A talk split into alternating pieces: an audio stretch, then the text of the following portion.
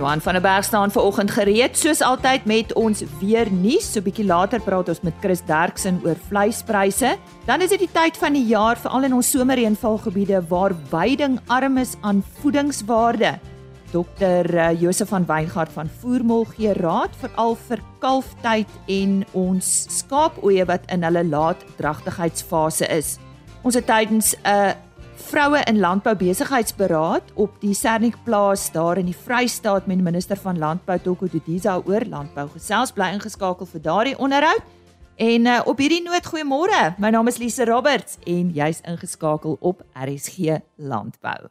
Ons gesels nou oor die weer en soos Johan sê, ons gesels oor die koue wat was en die koue wat kom. Daar's nie einde nie. Môre Johan, wat sê jy vir ons vandag? Dit is daarom nog steeds baie koud in die oggende. Goeiemôre Lize. Ja, nee, dit is dis baie koud.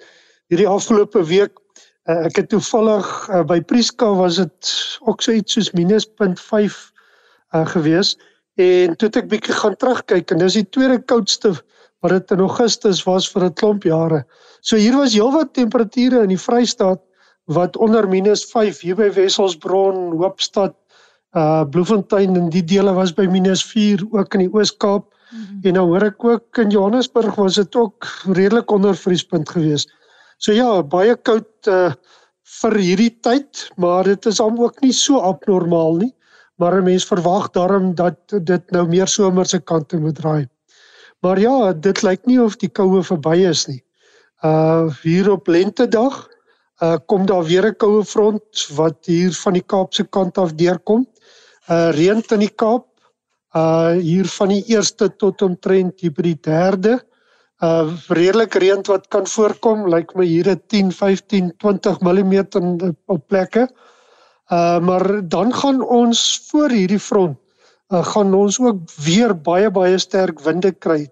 Hier veral oor die Noord-Kaap uh en die kom ons sê die sentrale westelike binneland uh waar kilo die die windsnelhede tot 60 km/h of so kan of sterker as dit kan waai. So weer eens 'n baie baie groot gevaar uh vir veldbrande dan. En voor hierdie koue front het ons nou baie lekker warm dae ervaar so vir 2 of 3 of 4 dae amper hittegolf toestande, maar soos ons sê dit gaan redelik verander vir al die periode hier vanaf 3 4 5 6 September lyk my gaan die koudste wees wanneer ons weer temperature hier onder vriespunt of naby vriespunt kan kry. Uh daar selfs weer 'n moontlikheid van sneeu veral oor die Kaapse berge uh daar in die eerste week van van September. Ehm um, as ons 'n bietjie verder kyk, uh lyk dit nie of asof dit die laaste koue is nie. Hier rondom 12, 13, 14 September lyk dit op hierdie stadium of daar weer 'n frontale stelsel inkom. Uh dit lyk nie asof dit so koud gaan wees nie, maar daar gaan weer redelike skerp temperatuurdalings wees. So ons is vanjaar ook baie bekommerd dat ryp selfs einde September begin Oktober uh oor die sentrale maar veral die suidelike dele van die land kan voorkom. Johan, ek sien die Kouga dam se vlak uh, styg regtig baie goed. Die verslag wat ek nou bevoeld ver oggend gekry het was dat daai dam al oor die 60% is wat absoluut wonderlik is as jy dink in Maart maand was dit maar 14%. Reënvooruitsigte vir die oos en die Wes-Kaap? Vir die Wes-Kaap lyk dit asof hier nog 'n redelike klompie reën is. Uh hierdie volgende week soos ons gesê daai eerste paar dae van September, uh maar dit lyk asof 'n swaarder neerslag hier van die 10de, 11de, 12de September kan voorkom. Nou dis dis nog lank voor die tyd, maar op hierdie vroeë stadium lyk dit asof daar 20, 30 mm ook in daai dele gaan voorkom hier meer na die middel van September toe en dan ook later in September. As ons na die Oos-Kaap uh, kyk, uh lyk dit nie of daar regtig swaar reën is nie, maar redelik gereelde ligte reën kan nog voorkom hier teen die teen die suidkus en die oos Oos-Kaapse kusgebiede en dan meer na die binneland maar nie baie diep in die binneland nie. So daar is nog 'n kans dat daar reën gaan voorkom uh vir die Oos-Kaap en ons weet nou wat jy genoem het uh oor die damme elke bietjie elke druppel wat nou uh, in die sisteme inkom loop af want al die kleiner dammetjies is daarom redelik vol op hierdie stadium. Sluit daarom af met goeie nuus vir ons damvlakke wat baie belangrik is vir die uh, droë jare wat op pad is. Johan van der Berg met ons weer nuus so vroeg op hierdie donderdagoggend.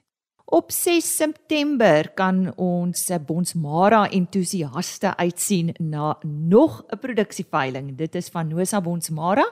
Dit vind daar in die Hoopstad omgewing plaas en ek gesels nou met Paseka Pinaar. Paseka sê eers vir my Nosa Bonsmara, 'n uh, bietjie iets oor julle, bietjie geskiedenis en uh, ja, hoe lank al betrokke by die Bonsmara? My ouers het met die stoet in 1981 begin dit was maar Afrikaner koeie wat met uh, sy Devons gepaar is en dit was ons basis gewees en toe maar met um, daar af met die ons Maras begin. En uh, jy's hoe lank is jy al betrokke daar op die plaas? Ek is van uh um 2000 af voltyds op die plaas maar ek is nog altyd uh was maar nog altyd deel gewees van die ja. beeste aangejaag en van kleins af so ek is maar nog altyd betrokke. Ons boer teen die teerpad, so ek het altyd naweke gaan uithaal as hulle in die pad is. nou ja, klink vir my opwindend iets om te doen oor 'n naweek vir 'n jong man. Kom ons gesels oor daai veiling uh 6 September waar vind die veiling plaas Paseka? Op die plaas Kareboombilt in die Hoopstad distrik waar my paal bly. Goed en presies waar is dit vir die mense wat nou nog nooit in daai omgewing was nie? Dis op die Hertsgwil Hoopstadpad en dan kan hulle maar net die aanwysers volg. Daar sal aanwysers wees op die ehm um, op die dag van die veiling. En iets oor die diere vanjaar wat julle aan wil sê oor hierdie betrokke keuse? Ons het 33 bulle.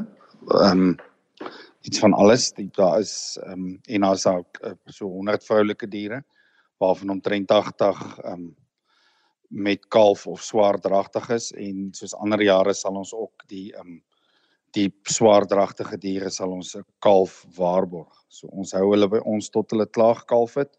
Die wat nog nie gekalf het op die dag van die veiling nie en dan sodra hulle gekalf het, laai ons die dit vir hulle met 'n kalf af sodat hy die koper het geen risiko dat hy nie 'n kalf sal kry nie. Ons vat daai risiko op ons.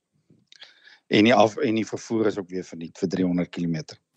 En wat van die SA vleismerinos wat ook op veiling gaan wees? En Karmse en sy vrou Anja bied daai vleismerino orame aan en hulle sal ook op die veiling wees. Goed. Wie bied dit vir julle aan en dalk net 'n uh, kontakbesonderhede om jy af te sluit ja. asseblief?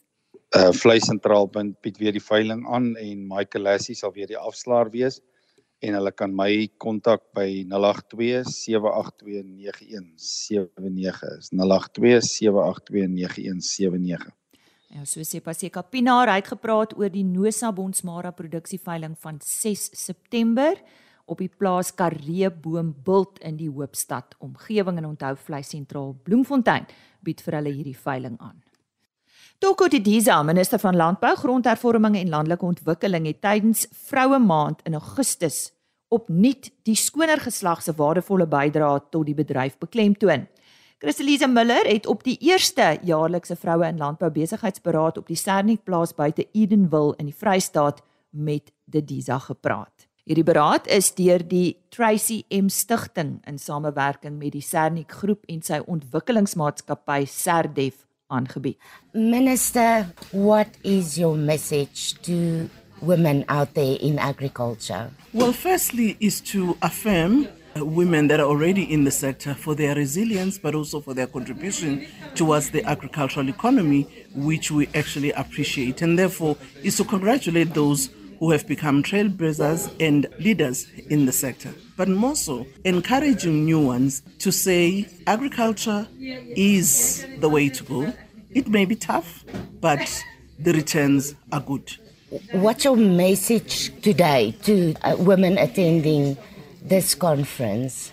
Well, today we're actually looking at issues of empowering women in the agricultural sector from primary agriculture to agribusinesses. And therefore, it's looking at what does it take to succeed in agriculture? What support system do you need? But also as an individual, what is it that you need to do in order to make sure that your enterprise flourish?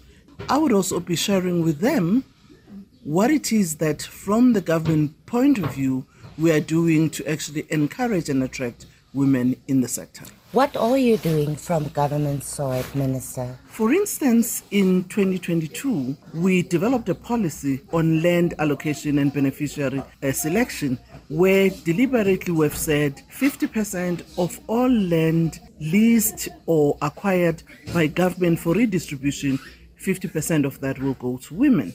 And that's a deliberate, you know, purpose to make sure that access to land for women is actually facilitated because that's one of the constraints. Secondly, supporting women with inputs, supporting women with technology and information through our entities, the agricultural research, as well as the marketing council because it is important for women to know what it is that they need to do where can they go to market their goods understanding the market and how it works. The other element is developing their skills. So, working with uh, organizations such as SENEC gives that opportunity so that those women who are in the uh, livestock sector, for instance, can have organizations such as this to train them, to walk the journey with them so that they can see how to look after their animals well so that they can fetch better incomes, which will serve the families well and improve their livelihoods. So this training that SENEC offers, it's not just, in my view, you know, kind of touch and go. It's taking people through the entirety of the value chain in the livestock industry and they walk the journey with you so they don't leave you so they walk the journey with you until they are convinced that you can stand alone and you can flourish. Minister, how is the land distribution program going? There are some concern that it's it's a slow process. Well, you know, I understand that it might not be at the pace at which we want. However, it's important to appreciate that there's two ways in which land equality in South Africa is being attained. On one hand is the government driven, where government acquire land for restitution for those people who lost their claims. Secondly, where people acquire land in order to do agriculture and other land based economies. But thirdly, is through tenure reform, where we look at the issues of farm workers and labor tenancy as well as in communal areas. But on the other hand, the very democratic dispensation ushered opportunities for many South Africans to be able to go on an open market and acquire land. And in my view, we haven't really done enough to take stock of how many people who individually have acquired land on their own and are running successful enterprises. Minister, there are a lot of challenges in agriculture. Mm-hmm. At this stage, from the department side, what some of these main challenges that you are addressing? The main challenge, apart from access to land, it's also finance. Agricultural finance is one of those challenges. And we have actually developed a blended finance, which is part grant and part loan, working with the Land Bank and also working with the Industrial Development Corporation. We are currently working with the banks because we think that will create a better option for various people to be able to access financing. But also, we do have grants that come through the division of revenue which assists farmers you know like the comprehensive agricultural support program CASP or Ilimalizima as well as the land care those are some of the grants that uh, are given to farmers to buy inputs to build necessary infrastructure in their farms just to the agricultural industry as a whole there are challenges, electricity, you know, facing farmers mm-hmm. on ground level. Minister, what's your message to farmers in these challenging times? Well, let me say that it's challenging times on one area, as you say, the energy security challenge, which government is working towards finally resolving it. In the interim, we have been working to look at what can be done by Eskom, uh, like load curtailment.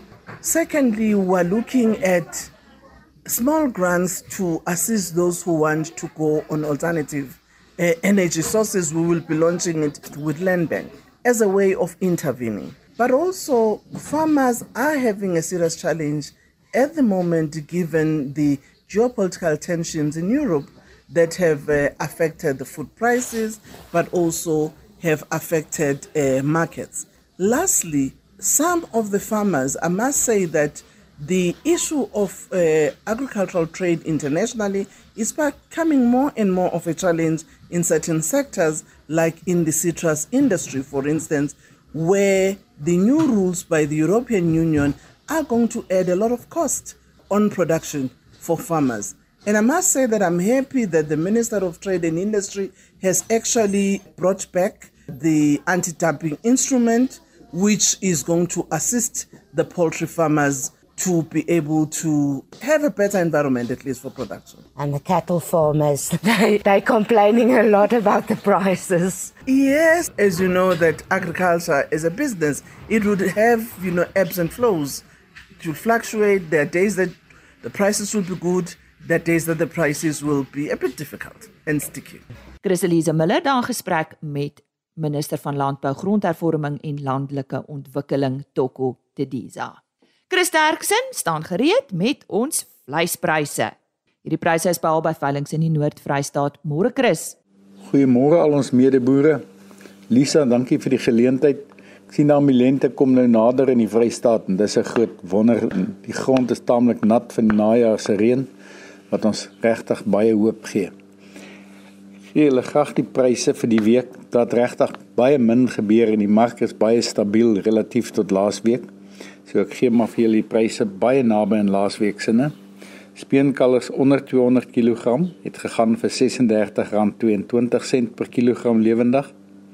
Van 200 tot 250 kg R34.19 en oor 250 kg R31.88. A-klasse was R27.86 per kilogram lewendige gewig. B-klasse R26.15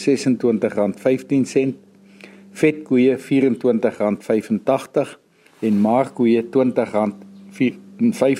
per kilogram lewendig.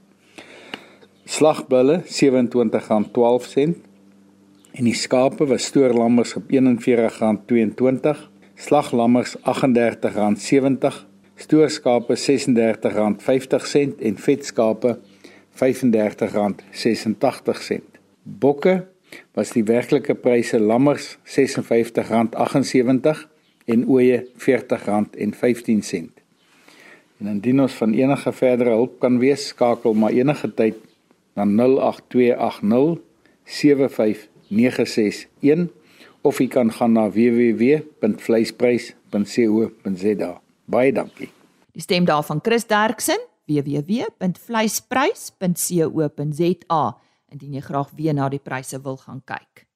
Soos jy gehoor het, is eh, Voermol ons vernoot hierdie week en ek het gisteroggend ook met Dr. Josef van Weingart, eh, hy is nasionale tegniese bestuurder by Voermol gesels oor hulle boer van die jaar kompetisie. Nou onthou, dit is vir die skaap en die bees insluiting sluit 8 September. So as jy hierdie onderhoud misgeloop het, gaan kyk gerus op Potgooi um, en luister waaroor dit gaan. Maar vir oggend praat ons oor hierdie tyd van die jaar. Wat is belangrik? Ons het kalftyd en ons het by ons skape ook laatdragtige fase uh, en die voeding wat belangrik is by beide bees en skaap. En uh, ja, Josef, môre weer eens, uh, jy gaan vandag vir ons sê wat is belangrik om hierdie tyd van die jaar in ag te neem en ek sê oor na jou toe. Môre Lize. Ja nee, dankie. Ehm um, hierdie tyd van die jaar kom ons praat van die die somerreënval tydperk. Ehm um, soos weet ons is nou op die stert van van die wintertydperk. En dis gewoonlik ehm um, hierso Augustus September wanneer ons sien meeste van die vleisbeeste sulke is is, is besig om om om te kalf en dan ook terselfdertyd ehm um, is ons nou in die laatdragtige fase van ons ehm um, skaapkuddes. So wat wat belangrik is ehm um, is mens moet natuurlik kyk na die voeding hierdie tyd want ons weet die weidings is in hulle volwasse fase en bied nie baie voedingsstowwe aan die dier in hierdie tyd van die jaar nie want dit is droog al die voedingsstowwe het afbeweeg in die in die wortel in en veral nou so laat winter is dit nie net die kwaliteit van die veiding wat 'n probleem is nie, maar ook die beskikbaarheid van die veiding. So by ons ehm um, vleisbeeskuddes is dit belangrik om nou hierdie tyd moontlik te kyk na na produksielekke. Uh, ons wil graag nie net nou meer proteïen voorsien nie, ons wil nou kyk na addisionele energie wat ons ook vir die vir die koeie wil deurgee en dis alles net as gevolg van daai fetusgroei wat ons nou omtrent 70 tot 80% groei plaasvind in die in die uh, laaste trimester van dragtigheid. En en verder ehm um, praat ons by die koeie praat ons van die 100 rooi dae ehm um, rondom kalftyd. So dit is die die eerste of die laaste 30 dae voor kalf en dan daai eerste 70 dae na kalf. Nou die rede hoekom ons verwys na die 100 rooi dae, dit is seker die belangrikste tyd in terme van voeding ehm uh, by daai koei in haar ehm uh, produksiesiklus. En die rede daarvoor is maar net onder daai eerste 30 dae voor kalf ehm um, sy het hierdie kalf wat wat besig is om te groei en haar so dit dit plaas geweldige voedingsstres op haar. Terselfdertyd moet sy begin met met eierontwikkeling ehm um, vir melkproduksie wat moet volg. Uh en dan natuurlik is dit 'n uh, 'n baie stresvolle tydperk vir haar ehm uh, met hierdie addisionele gewig wat sy dra en wat spasie opvat van haar van haar grootpen. So mense moet regtig begin kyk na 'n gekonsentreerde lek of 'n aanvulling in terme van van proteïen en energie. Dan as ons kyk na daai eerste 70 dae na kalf, hoekom dit so belangrik is.